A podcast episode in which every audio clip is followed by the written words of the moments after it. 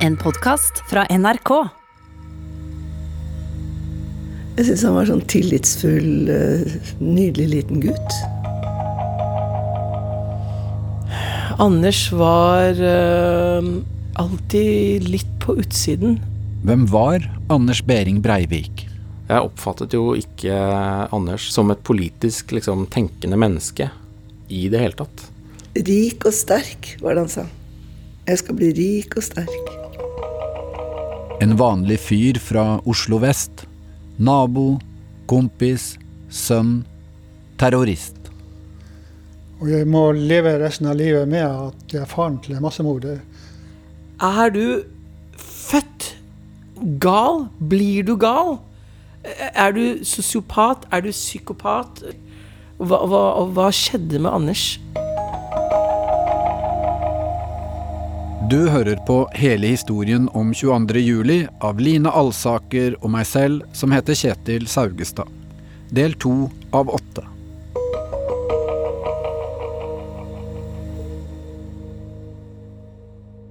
Ja, jeg var jo med på, eh, på sykehuset da han, da han ble født, og jeg sto og så på at han ble født. Og jeg holdt uh, kona i Wenche i handa, det var en slik jeg så det, og som legen også sa, så var det en helt normal og grei fødsel. Det, skjedde, det var ikke noe vondt eller vanskelig. Det hele starter nokså vanlig. Jens Breivik bor i Oslo. Han er skilt og blir kjent med Wenche, som er alene med en datter på seks år. Etter å ha vært sammen kort tid, gifter de seg og får en sønn, Anders.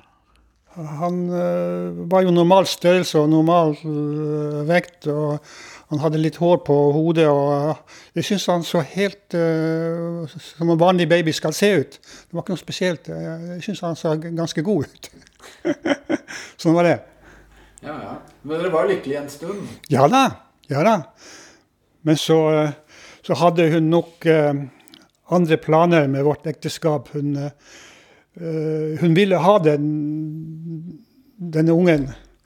Men hun ville ikke ha noe ekteskap. Hun var en ensom ulv som, uh, som brukte meg for å få, uh, få, det som hun ville ha det. Mora Wenche har fortalt lite offentlig om sitt liv, men hun medvirket til en bok som hun til slutt ikke ønsket skulle gis ut. Her beskriver hun hvordan hun tidlig er skuffa og føler seg ensom i ekteskapet. Wenche opplever ektemannen som distansert i forhold til barna. Jens får en stilling på ambassaden i London.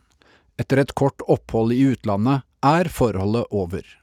Wenche flytter hjem med begge barna til leiligheten til Jens på Frogner i Oslo sentrum. Han var jo min sønn, og jeg ville jo gjerne ha kontakt med han. Og jeg prøvde jo, ringte og skrev brev og hørte aldri noe. Hun var helt bestemt du skal ikke ha noe sagt med, med min sønn. Jeg skal ta meg av han selv. Etter skilsmissen treffer faren Jens en annen. Tove blir en viktig figur i livet til Anders fra han er tre-fire år gammel. Han var en søt, liten uh, gutt. Lys og veldig norsk. Så han var, han var absolutt uh, Han var litt uh, rampete noen ganger, men det er jo anholdunger. Finne på litt sånn altså, men helst ikke burde gjort. Og sånn, men det var ikke noe graverende, det. Altså, det var bare, bare helt vanlig oppførsel, syns jeg.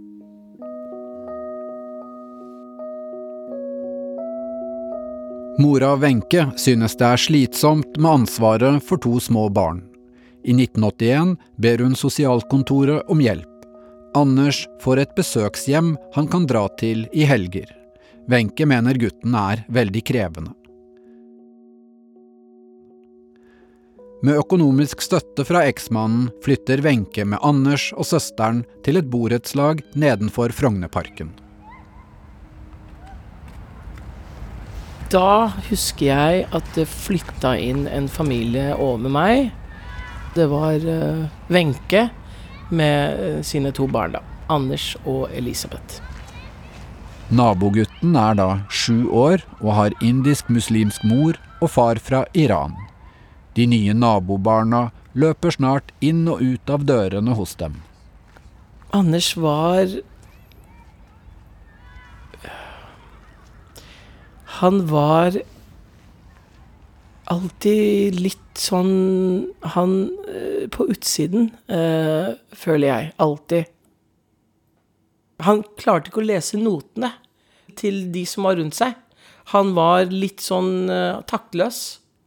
Og han ofte reagerte ved å gjøre noe stort eller uh, bråke mest mulig, eller uh, kaste den snøballen i ansiktet ditt, eller skrike eller tisse på sykkelen din. Altså et eller annet. Han måtte gjøre et eller annet for å få en eller annen sånn reaksjon, da. Det er de tingene jeg husker med Anders.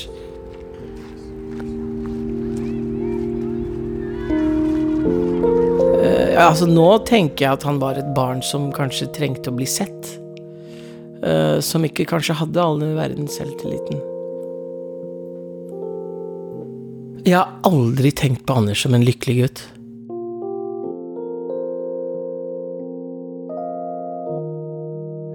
Faren Jens og stemora Tove jobber og bor i utlandet, men får etter hvert ta med Anders på ferietur når de er i Norge om sommeren.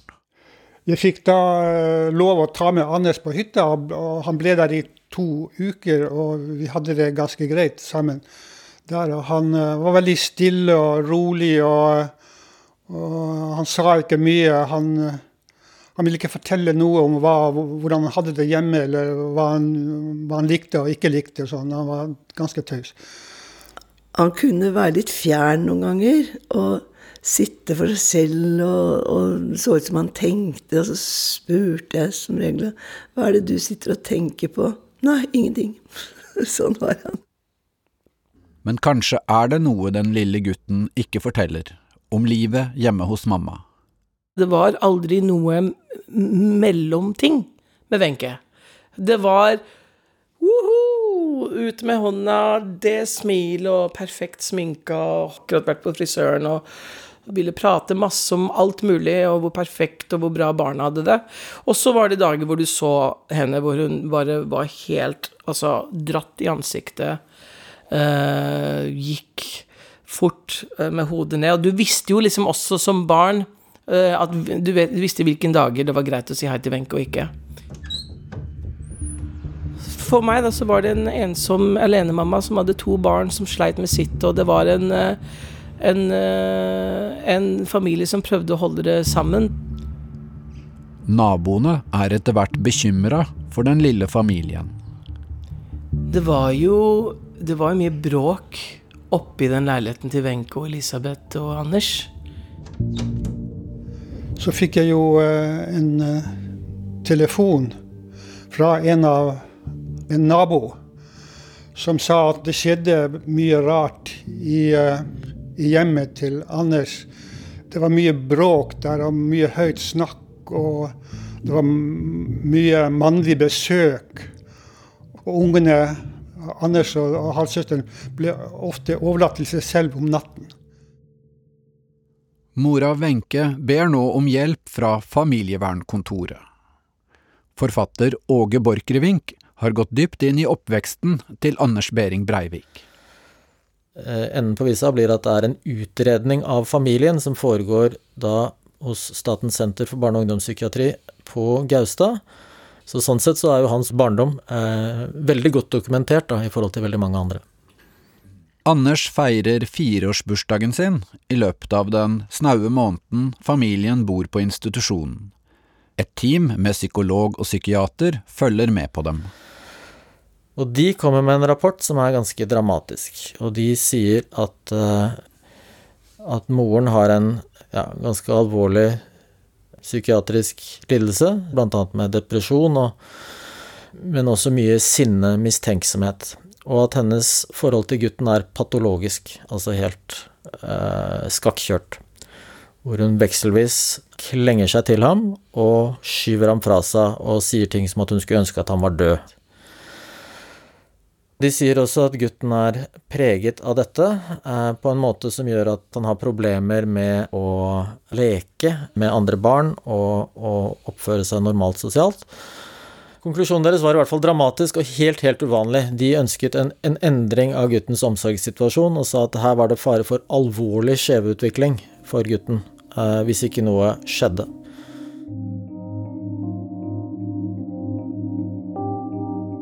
Og det var jo urovekkende, det var jo det. Og, og, det var jo grunnlaget til at vi da tenkte det her må vi prøve å gripe inn. Faren til Anders får tilsendt en kopi av rapporten. Så det kom som et sjokk på meg at, uh,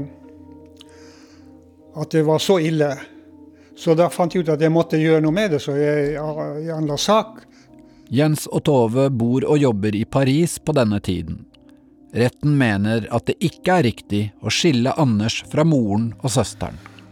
Og dommeren fant da liksom eh, eh, til fordel for moren eh, og overså på en måte ekspertuttalelsene til Statens senter for barne- og ungdomspsykiatri, og gutten ble da værende hos mor.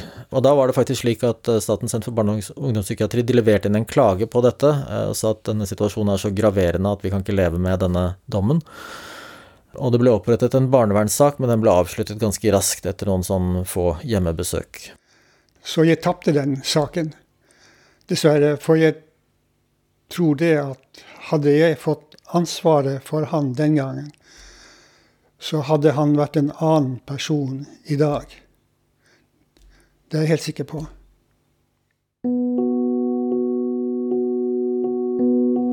Men for forholdet mellom Anders og faren og stemora slår avgjørelsen i retten positivt ut. Mora lar Anders besøke dem i Frankrike, og kontakten blir bedre. Ja, det ble, det ble mye bedre etter rettssaken, for da slappet hun mer av. Nå er det jeg som har ansvaret for, for, for Anders, sa hun. Så hun følte seg tryggere etter ja, ja, han gjorde det.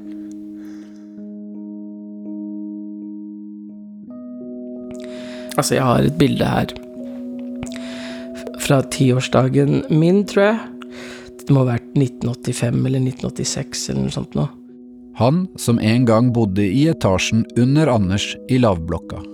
Og når jeg fant dette bildet hos min mor for noen år siden, så fikk jeg grøsninger, fordi i dette bildet her så ser vi en veldig glad tiåring, som er da meg, eh, ikledd en eh, sløyfe og dress med masse glade barn som henger rundt og holder rundt hverandre og smiler og ler og Og, og så går jeg liksom litt bortover i dette bildet, så står liksom selveste Anders helt stille med armene nede, stirrer tomt og eneste barnet som ikke smiler.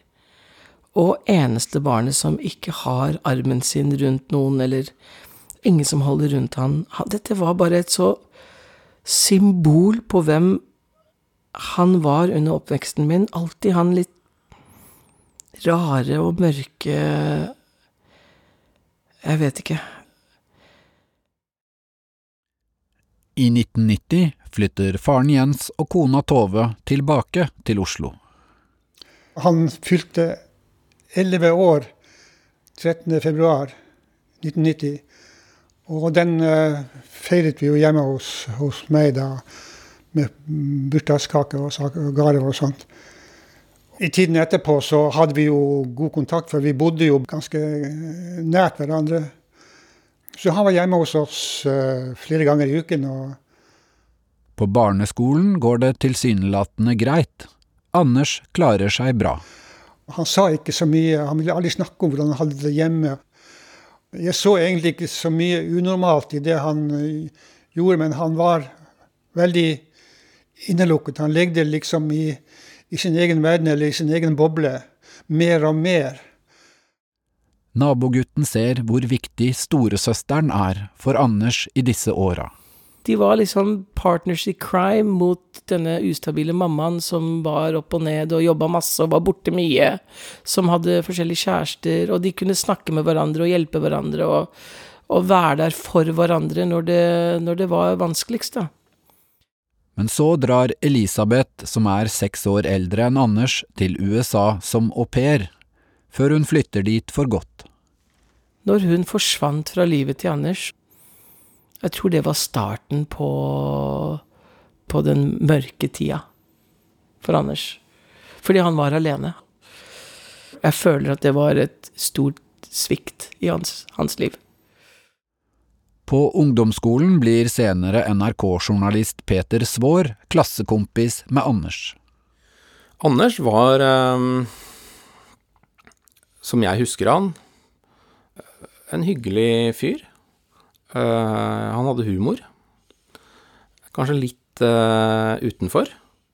Og mm, litt sånn som på en måte måtte slåss litt for å bli, bli akseptert. Han var heller litt sånn at han hadde noen få venner som han var ganske mye sammen med. To-tre stykker. De går på Ris skole på Vinneren på Oslos vestkant. Det var jo mange i klassen som, som eh, hadde kom fra ganske velstående familier og hadde liksom svære hus i Hongkong og sånn, og det visste jeg at det hadde ikke Anders. Kanskje han følte seg som en underdog. Han eh, var eh, Han ga i hvert fall inntrykk av at han var veldig opptatt av resultater og veldig ja, opptatt av å gjøre lekser og tok skolearbeidet seriøst og liksom Han eh, ja, skulle liksom steder da, og var litt ambisiøs. Han var, jo, han var jo ikke noe midtpunkt. Det var han ikke, og han var nok heller litt eh, liksom på den litt nedre, nedre stigen eh, der. Eh, og det var jo litt fordi han, var, han ble oppfattet som litt sær. Eh, han drev på en måte litt med sitt og var litt einstøing på på, på disse hiphop- og taggegreiene som han gikk veldig inn i. Anders blir en ivrig tagger. Han sprayer navnet sitt mange steder. Som 15-åring blir han tatt på Oslo S med sekken full av spraybokser. Han har reist aleine til København for å handle maling. Åge Borchgrevink. Han planla som en general på gutterommet, husker jeg var en av de medtaggerne eh, som forklarte. Eh, handlet jo da bokser i utlandet osv. Det er en gutt på 15 år, ikke sant. Så sånn til å liksom uh, gjennomføre den type ting hadde han stor uh, evne til. Det som gikk igjen hele tiden, var at han ønsket å bli stor og bli anerkjent. Og forsøkte på dette på flere måter. Han forsøkte i taggemiljøet å få anerkjennelse og bli um, liksom del av et sånt uh, viktig crew, da, eller taggegjeng. Så eh, når han var sånn 15 år, så snakket han eh, kebabnorsk, da. Så mange av vennene hans fant utrolig merkelig at en sånn gutt fra Silkestrå plutselig snakker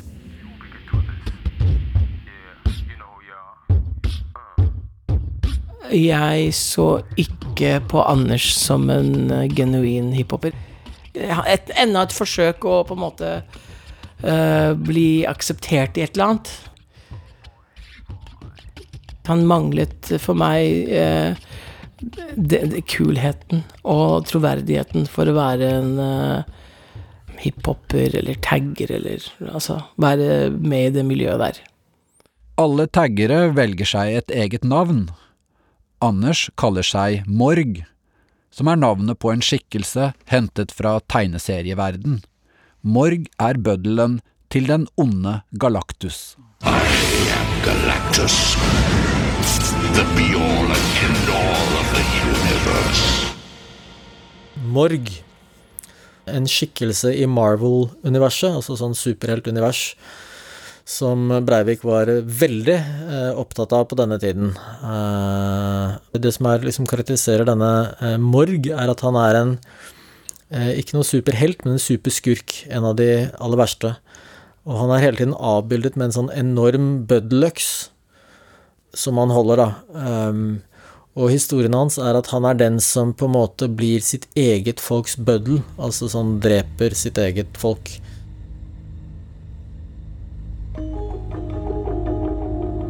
Politiet ringte meg uh, og sa at uh, din sønn uh, har begått hærverk med, med, sin tagging.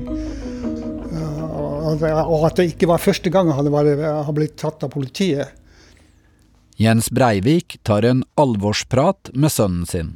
Og Han lovde da å, å slutte med det, men det gjorde han ikke. Så sånn gikk det. Han, det, ble, det ble slutt på kontakten med han. Det blir et brudd mellom faren og Anders. Ja, jeg tenkte på hva, hva skal jeg gjøre for å få kontakt med han, men eh, jeg fikk som faktisk ikke eh, tak på han. Sånn I ettertid så tenkte jeg at jeg kunne jo ha gjort mer for å få kontakt med han, men, men eh, så slikt gikk det ikke. Jens skal ikke snakke med sønnen på elleve år. Han og Tove har nå skilt lag, men stemora fortsetter å ha kontakt med Anders, som blir en forfengelig ung mann. Nei, han var veldig nøye med både klær og utseende og sånn. Han var veldig jålete, kan jeg nesten si. Han var veldig pertentlig òg. Klassekameraten Peter. Så var han veldig nøye med håret sitt, og det var jo litt sånn at hvis noen rufset han i håret, så ble han helt Da ble han kjempesint. Skikkelig. Da kunne han liksom virkelig dytte fra. Så jeg tror han bare hadde sånn, slags sånn midtskill, men det var veldig, veldig nøye med det. I årboka på skolen fleiper de med at Anders forsøker å bygge drømmekroppen. Selv forteller han at han tar noen kurer med anabole steroider. Og så var han jo Jeg skal ikke si spjæling, men han var jo en helt vanlig tynnbygd fyr. Som utover etter hvert Jeg husker ikke akkurat hvilket år det var, men, men på slutten av den perioden jeg kjente han, så hadde han jo trent seg ganske svær. Og var veldig opptatt av fitness og, og sånn. Og hadde med seg sunne matpakker med grovbrød og skinke og mye sånn proteinrike greier. Skrøt av at han trente hver morgen. Han sa han eh, liksom hadde vært og løfta vekter før skolen. Denne selvopptattheten hans ble, ble tydelig, altså. Hva var det Hadde han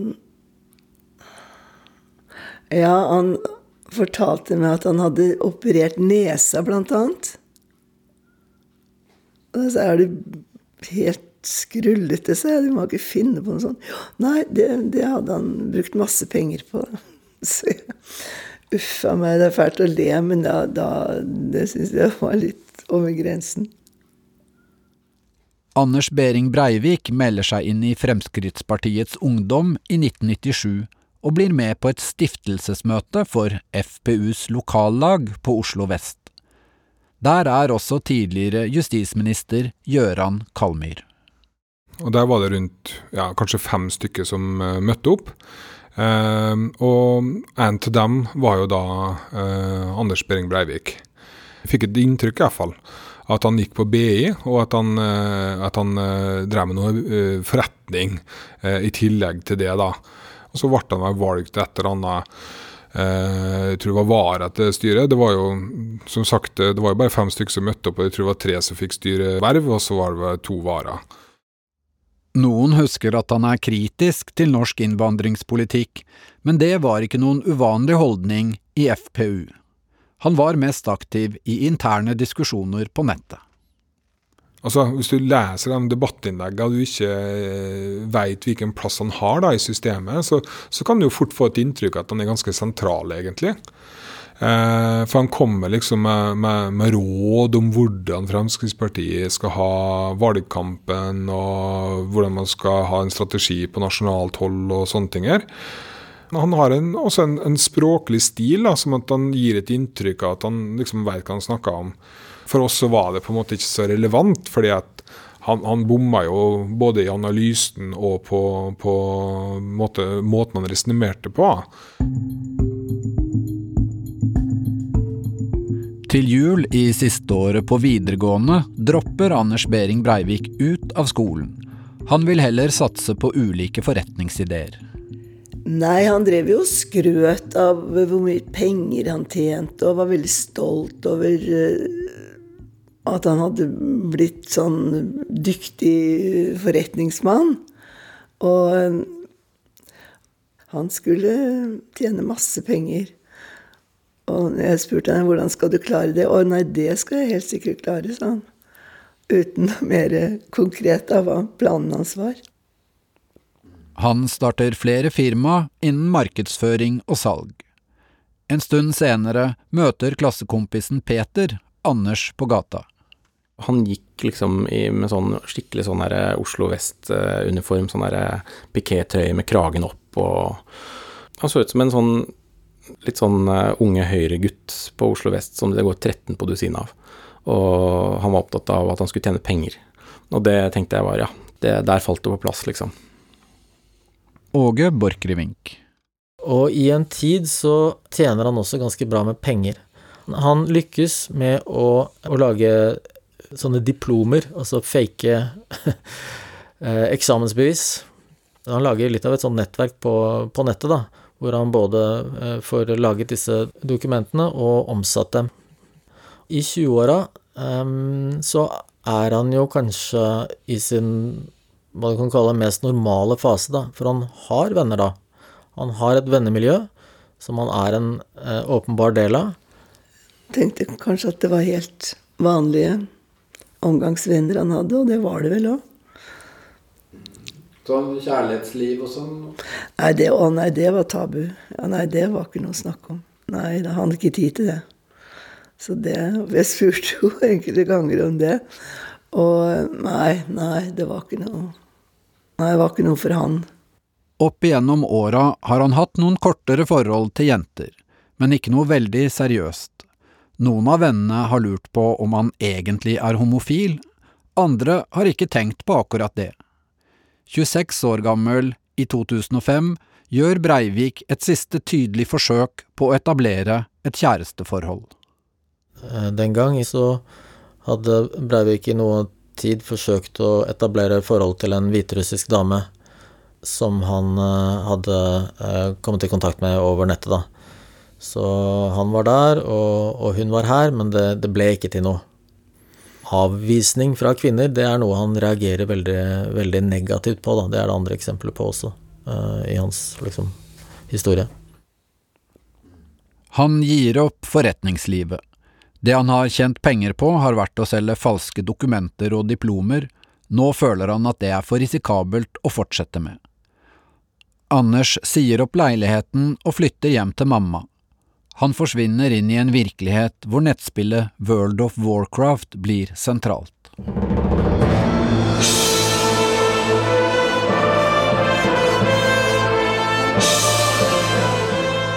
Dette er den store ytre endringen i livet hans. Så der er det et, et veldig klart brudd. Venner beskriver også hvordan de forsøker å, øh, å hente han hjemmefra.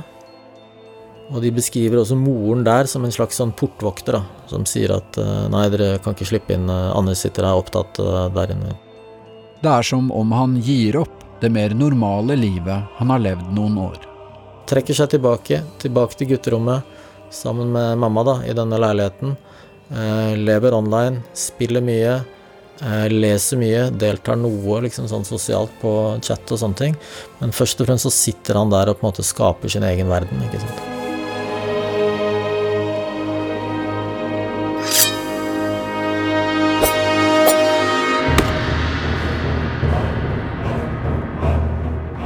Han spiller opp mot 17 timer i døgnet i lange perioder er dette det viktigste og eneste han driver med. Han gamer jo veldig masse. Så han er jo del av eh, grupper i disse spillene, og dyktig. Særlig World of Warcraft, som han spiller mye, men også ja, flere andre, også skytespill og den type ting.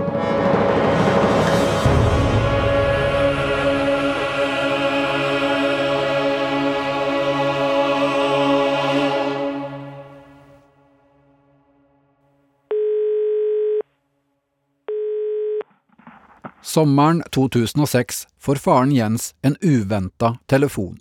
Han har ikke snakket med Anders på elleve år. Han ringte meg. Han hadde noe å fortelle meg. Han, han, hadde sitt eget firma i databransjen, og han hadde to ansatte. og Han gjorde det, han gjorde det bra. Det ble en kort samtale. Han, han ville bare fortelle hva han, hva han drev med. I ettertid så, så, viste det seg jo at uh, han ikke hadde noe firma da. At uh, han trolig bodde hjemme hos moren sin igjen. Jeg visste at han flyttet hjem til Hoff. Wenche bodde jo på Hoff da. Så jeg visste at han flyttet hjem til henne. Det fikk jeg jo høre. Stemoren holder kontakten med Anders, og er ikke spesielt urolig for ham. Og det er jo det som er så veldig rart, at ikke vi merket noe som helst av den forandringen han tydelig gjennomgikk, og ble så hatsk.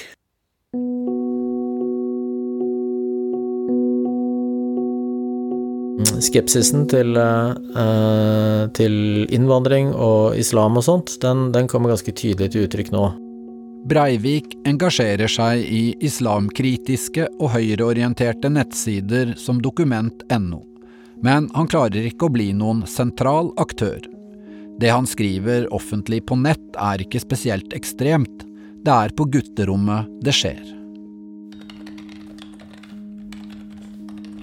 Så er det jo nå han begynner å, å, å, samle og skrive dette store manifestet sitt, altså dette 1500 siders eh, mastodontteksten, da, som på en måte eh, kanskje beskriver hans forvandling fra en sånn vanlig forbruker til å bli en sånn uh, viktig politisk tenker og terrorist.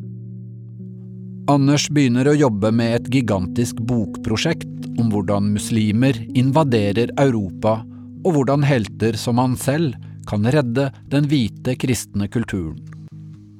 Og verden er, er liksom i stykker, og, og, Anders Behring Breivik skal komme inn og fikse dette.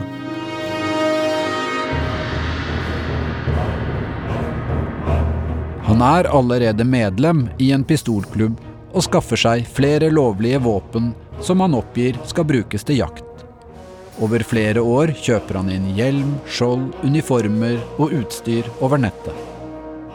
Som tilhører denne ridderskikkelsen han ja, bygger seg, eh, som ligner jo ganske mye på avataren i, i nettspillene hans. Han lager seg sånne kampstøvler og tar og putter eh, sånne stjerneskrutrekkerhoder inn bak på hælen for at det skal se ut som sporer. Riddere har jo sporer.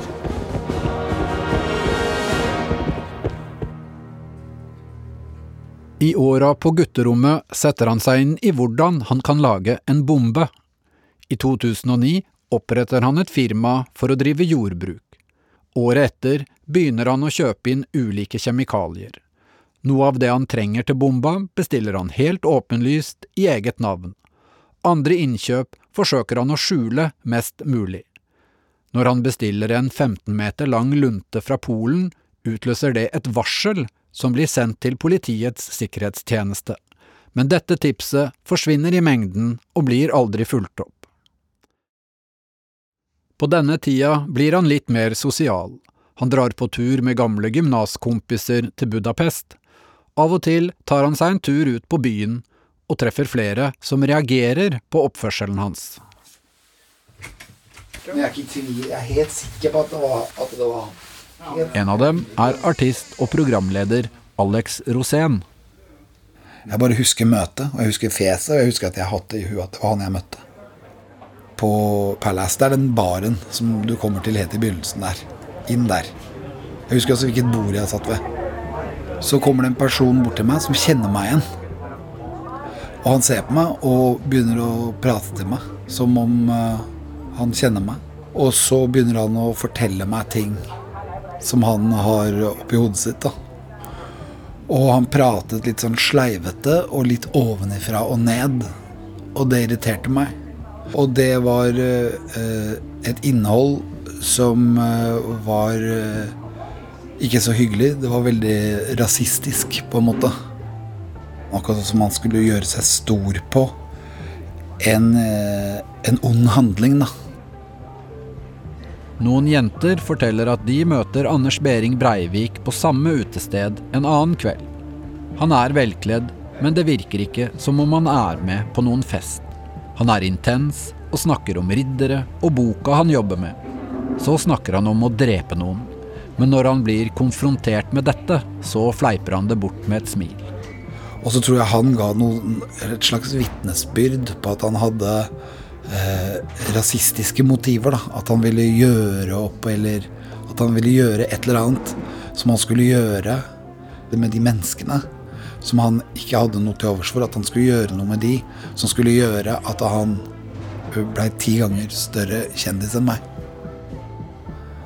Det var hans lodd i livet, liksom.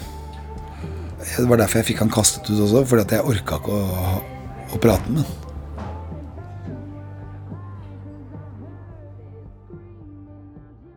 Det er særlig teorien om Eurabia som opptar Anders Behring Breivik. En konspirasjonsteori om at den politiske eliten i Europa og den arabiske verden har en ond plan. De samarbeider om å gjøre Europa muslimsk gjennom en liberal innvandringspolitikk.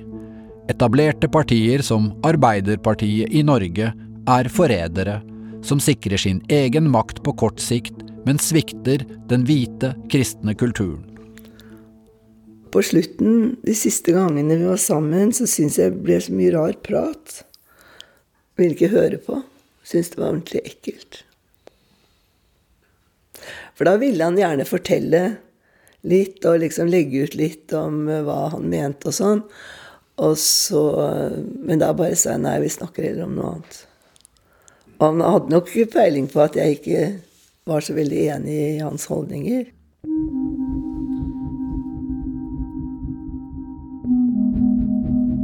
Breivik samler inn e-postadressene til mer enn 1000 personer. Han tenker å sende ut manifestet i forkant av terroraksjonen han planlegger. Altså Dette her manifestet er jo på en måte delt i la oss si, tre deler. Den første delen er en samling politiske tekster som er skrevet av andre høyreradikale islamkritikere. Så kommer en fortelling om borgerkrigen mellom islamister og kulturkonservative som skal ende med kristen seier i år 2083. I den siste delen skriver han om de praktiske forberedelsene og mer om sine egne tanker. Manifestet er mer interessant i hvordan han på en måte former seg selv en historie, da. Og, og samtidig da skaper seg denne ridderskikkelsen som skal redde Europa, som er ham selv, da. Klassekamerat og NRK-journalist Peter Svaar. Han prøvde å trekke noen linjer da, fra eh, Ris ungdomsskole til, eh, til, hvordan han ble tempelridder og sånn. Og det, det, var bare helt vanskelig å, å helt se logikken i det. Han hadde jo skrevet en, en eventyrroman uh, om seg selv og sin egen bakgrunn som, som ikke stemte med virkeligheten i det hele tatt.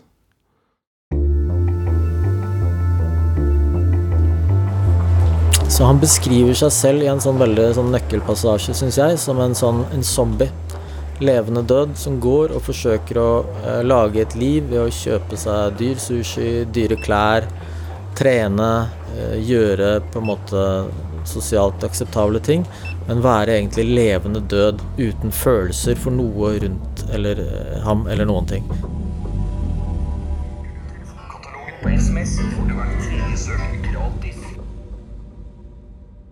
I tillegg er Breivik opptatt av hvordan likestillingen har ødelagt samfunnet.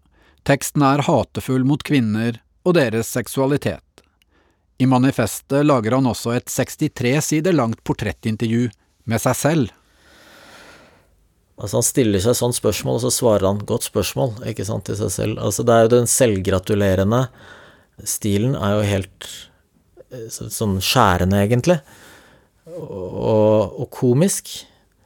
Han syntes at verden skulle være sånn, at han, at han ble liksom gjort gjenstand for viktige intervjuer og, og, og, tatt på alvor, både som en tenker og som en sånn Eh, livs, eh, altså full av livsvisdom, som at når verden går deg imot, lag din egen smoothie. I en dagbokaktig del av manifestet skriver han om planene for å møte stemoren en siste gang. Han vil unngå å vekke mistanke, at noen skal vifte med varselflagg. Racing any red flags. Tove har ikke lest dette i manifestet før. Huff a meg. Ja, nå, nå kommer det ut igjen litt. Uff, nei, nei, det er så uff. Jeg blir helt kvalm, nesten. At det skulle komme borti noe sånt. Hun husker det siste møtet som hyggelig, når de unngikk å snakke om politikk. Han fortalte bare helt enkelt og greit at han skrev en bok om eh, muslimers invadering av Europa, tror jeg han kalte det. Og så ser jeg om i all verden er det skal du, altså ble det bare ble ikke mer snakk om det. Så spurte jeg om jeg fikk lov å lese den, da, manuskriptet. Ja, det skulle jeg få. Og det var det siste han sa til meg, tror jeg.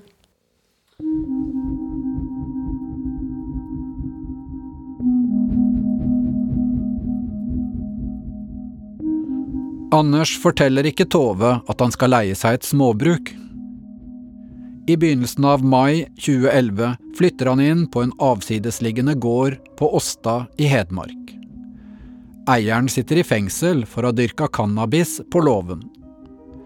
Der jobber Anders med å lage den store bomba. Han prøver å ikke vekke mistanke, og holder folk på avstand. Han vet han er paranoid, eh, og overdriver når han blir livredd. Folk dukker opp på gården hans der ute i eh, Åsta. Noen naboer stusser litt over gårdsdriften, men tenker at det er en fyr fra byen som sikkert ikke har så veldig peiling. Breivik samler alt våpenutstyret. Og så graver han dem ned i skogen. Og det er en sånn prøvelse for ham, fordi det er biller og mark og insekter. Eh, og han er egentlig livredd for den type sånn infeksjon, eller altså kryp og krek og den type ting. Der har han en sånn, eh, ja, så han har en sånn fo fobisk reaksjon da, på, på den type ting.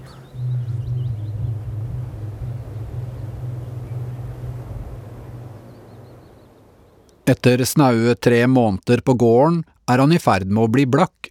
Han bestemmer seg for å angripe regjeringskvartalet midt i Oslo sentrum, selv om det er sommerstille og få på jobb. Han har blinka ut et mål til, Arbeiderpartiungdommens årlige sommerleir på Utøya. Onsdag 20. juli kjører han den store hvite varebilen med ei bombe på ett tonn til Oslo og parkerer den utafor et hagesenter like ved moras leilighet. Dagen etter drar han opp til gården igjen og henter den andre leiebilen, en sølvgrå Fiat. Formiddagen 22. juli strever han med å få sendt ut manifestet. Det er blitt et veldig stort vedlegg som skal ut til altfor mange adresser. I tolvtida parkerer han den lille sølvgrå varebilen utafor Obos i nærheten av regjeringskvartalet. Baki ligger ei stor våpenkasse. Så drar han hjemom og sier ha det til mora Wenche, og lover å være hjemme til spagettimiddag seinere. Deretter kjører han ned mot sentrum i bombebil.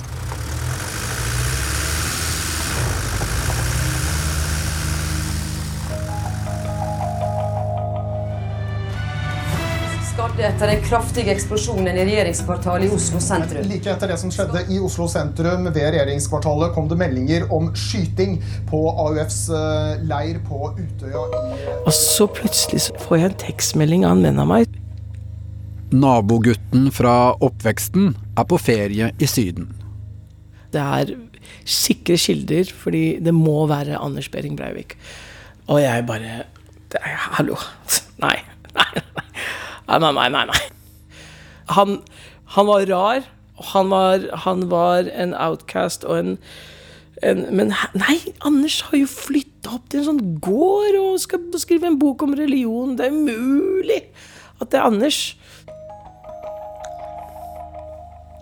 Så plutselig på dette hotellet i lobbyen så bare kom bildet hans på skjermen. Og det er vanskelig, fortsatt vanskelig å snakke om. Da jeg satte på nyhetene sent på natta, så var hele skjermen var fylt av ansiktet til Anders. Jeg klarte ikke å reise meg opp. omtrent. Jeg var helt slått ut. Og den følelsen Jeg følte nesten at jeg ble lam i hele kroppen.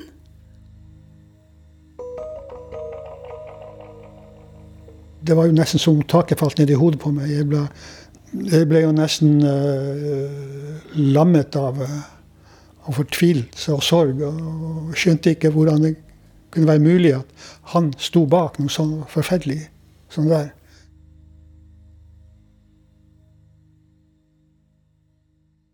Man blir jo knyttet til denne forferdelige grusomme hendelsen fordi denne personen har vært hjemme hos deg, spist maten til moren din, eh, vært på soverommet ditt, lekt med lekene dine, eh, og du tenker Hva kunne vi Ikke sant? Hva vi gjorde Hva Altså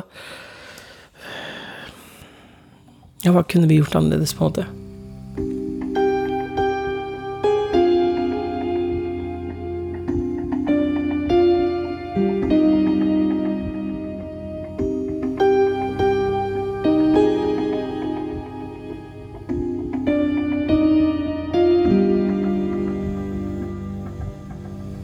Du har hørt andre del av hele historien om 22. juli.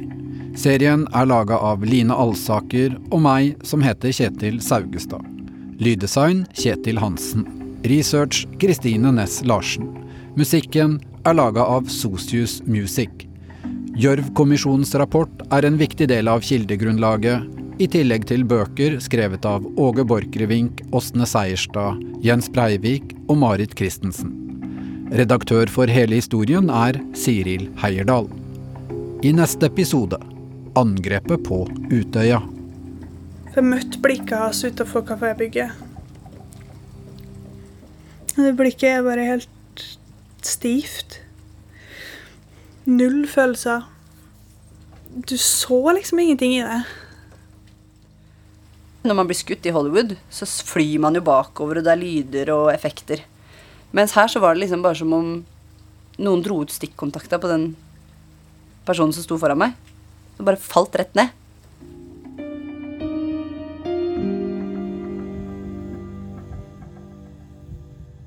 En podkast fra NRK.